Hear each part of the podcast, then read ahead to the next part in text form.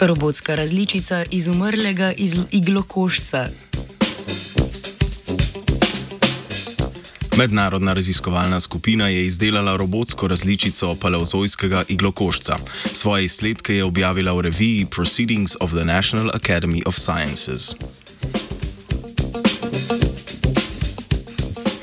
Raziskovalna skupina je razvila robotsko različico pleurocistitov, izumrlih iglokoščcev, ki so živeli na morskem dnu pred okoli 500 milijoni let. Ti iglokoščci so bili eni izmed prvih, ki so razvili sposobnost prostega gibanja po morskem dnu, predtem so namreč le lebdeli v morju.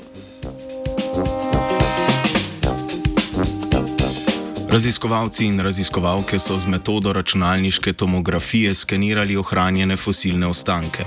To jim je omogočilo tridimenzionalno vizualizacijo organizmov. Iz dobljenih rentgenskih slik so izdelali računalniško različico robota in jo preizkušali, dokler niso izpopolnili gibanje organizma. Simulacija je pokazala, da so se pleurocistiti najverjetneje gibali s pomočjo mišičnega stebla pritrjenega na zadku telesa.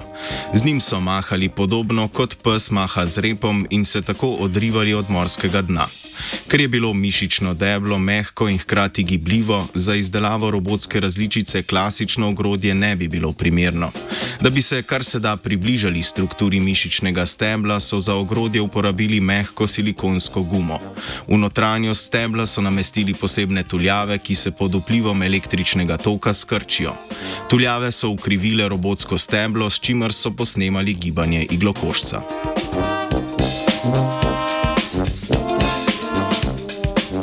Razvitega robota so preizkusili v akvariju, podobnem morskemu dnu, in tako pritrdili izsledek simulacije, torej da se je pleurocistit gibal z zadnjim steblom.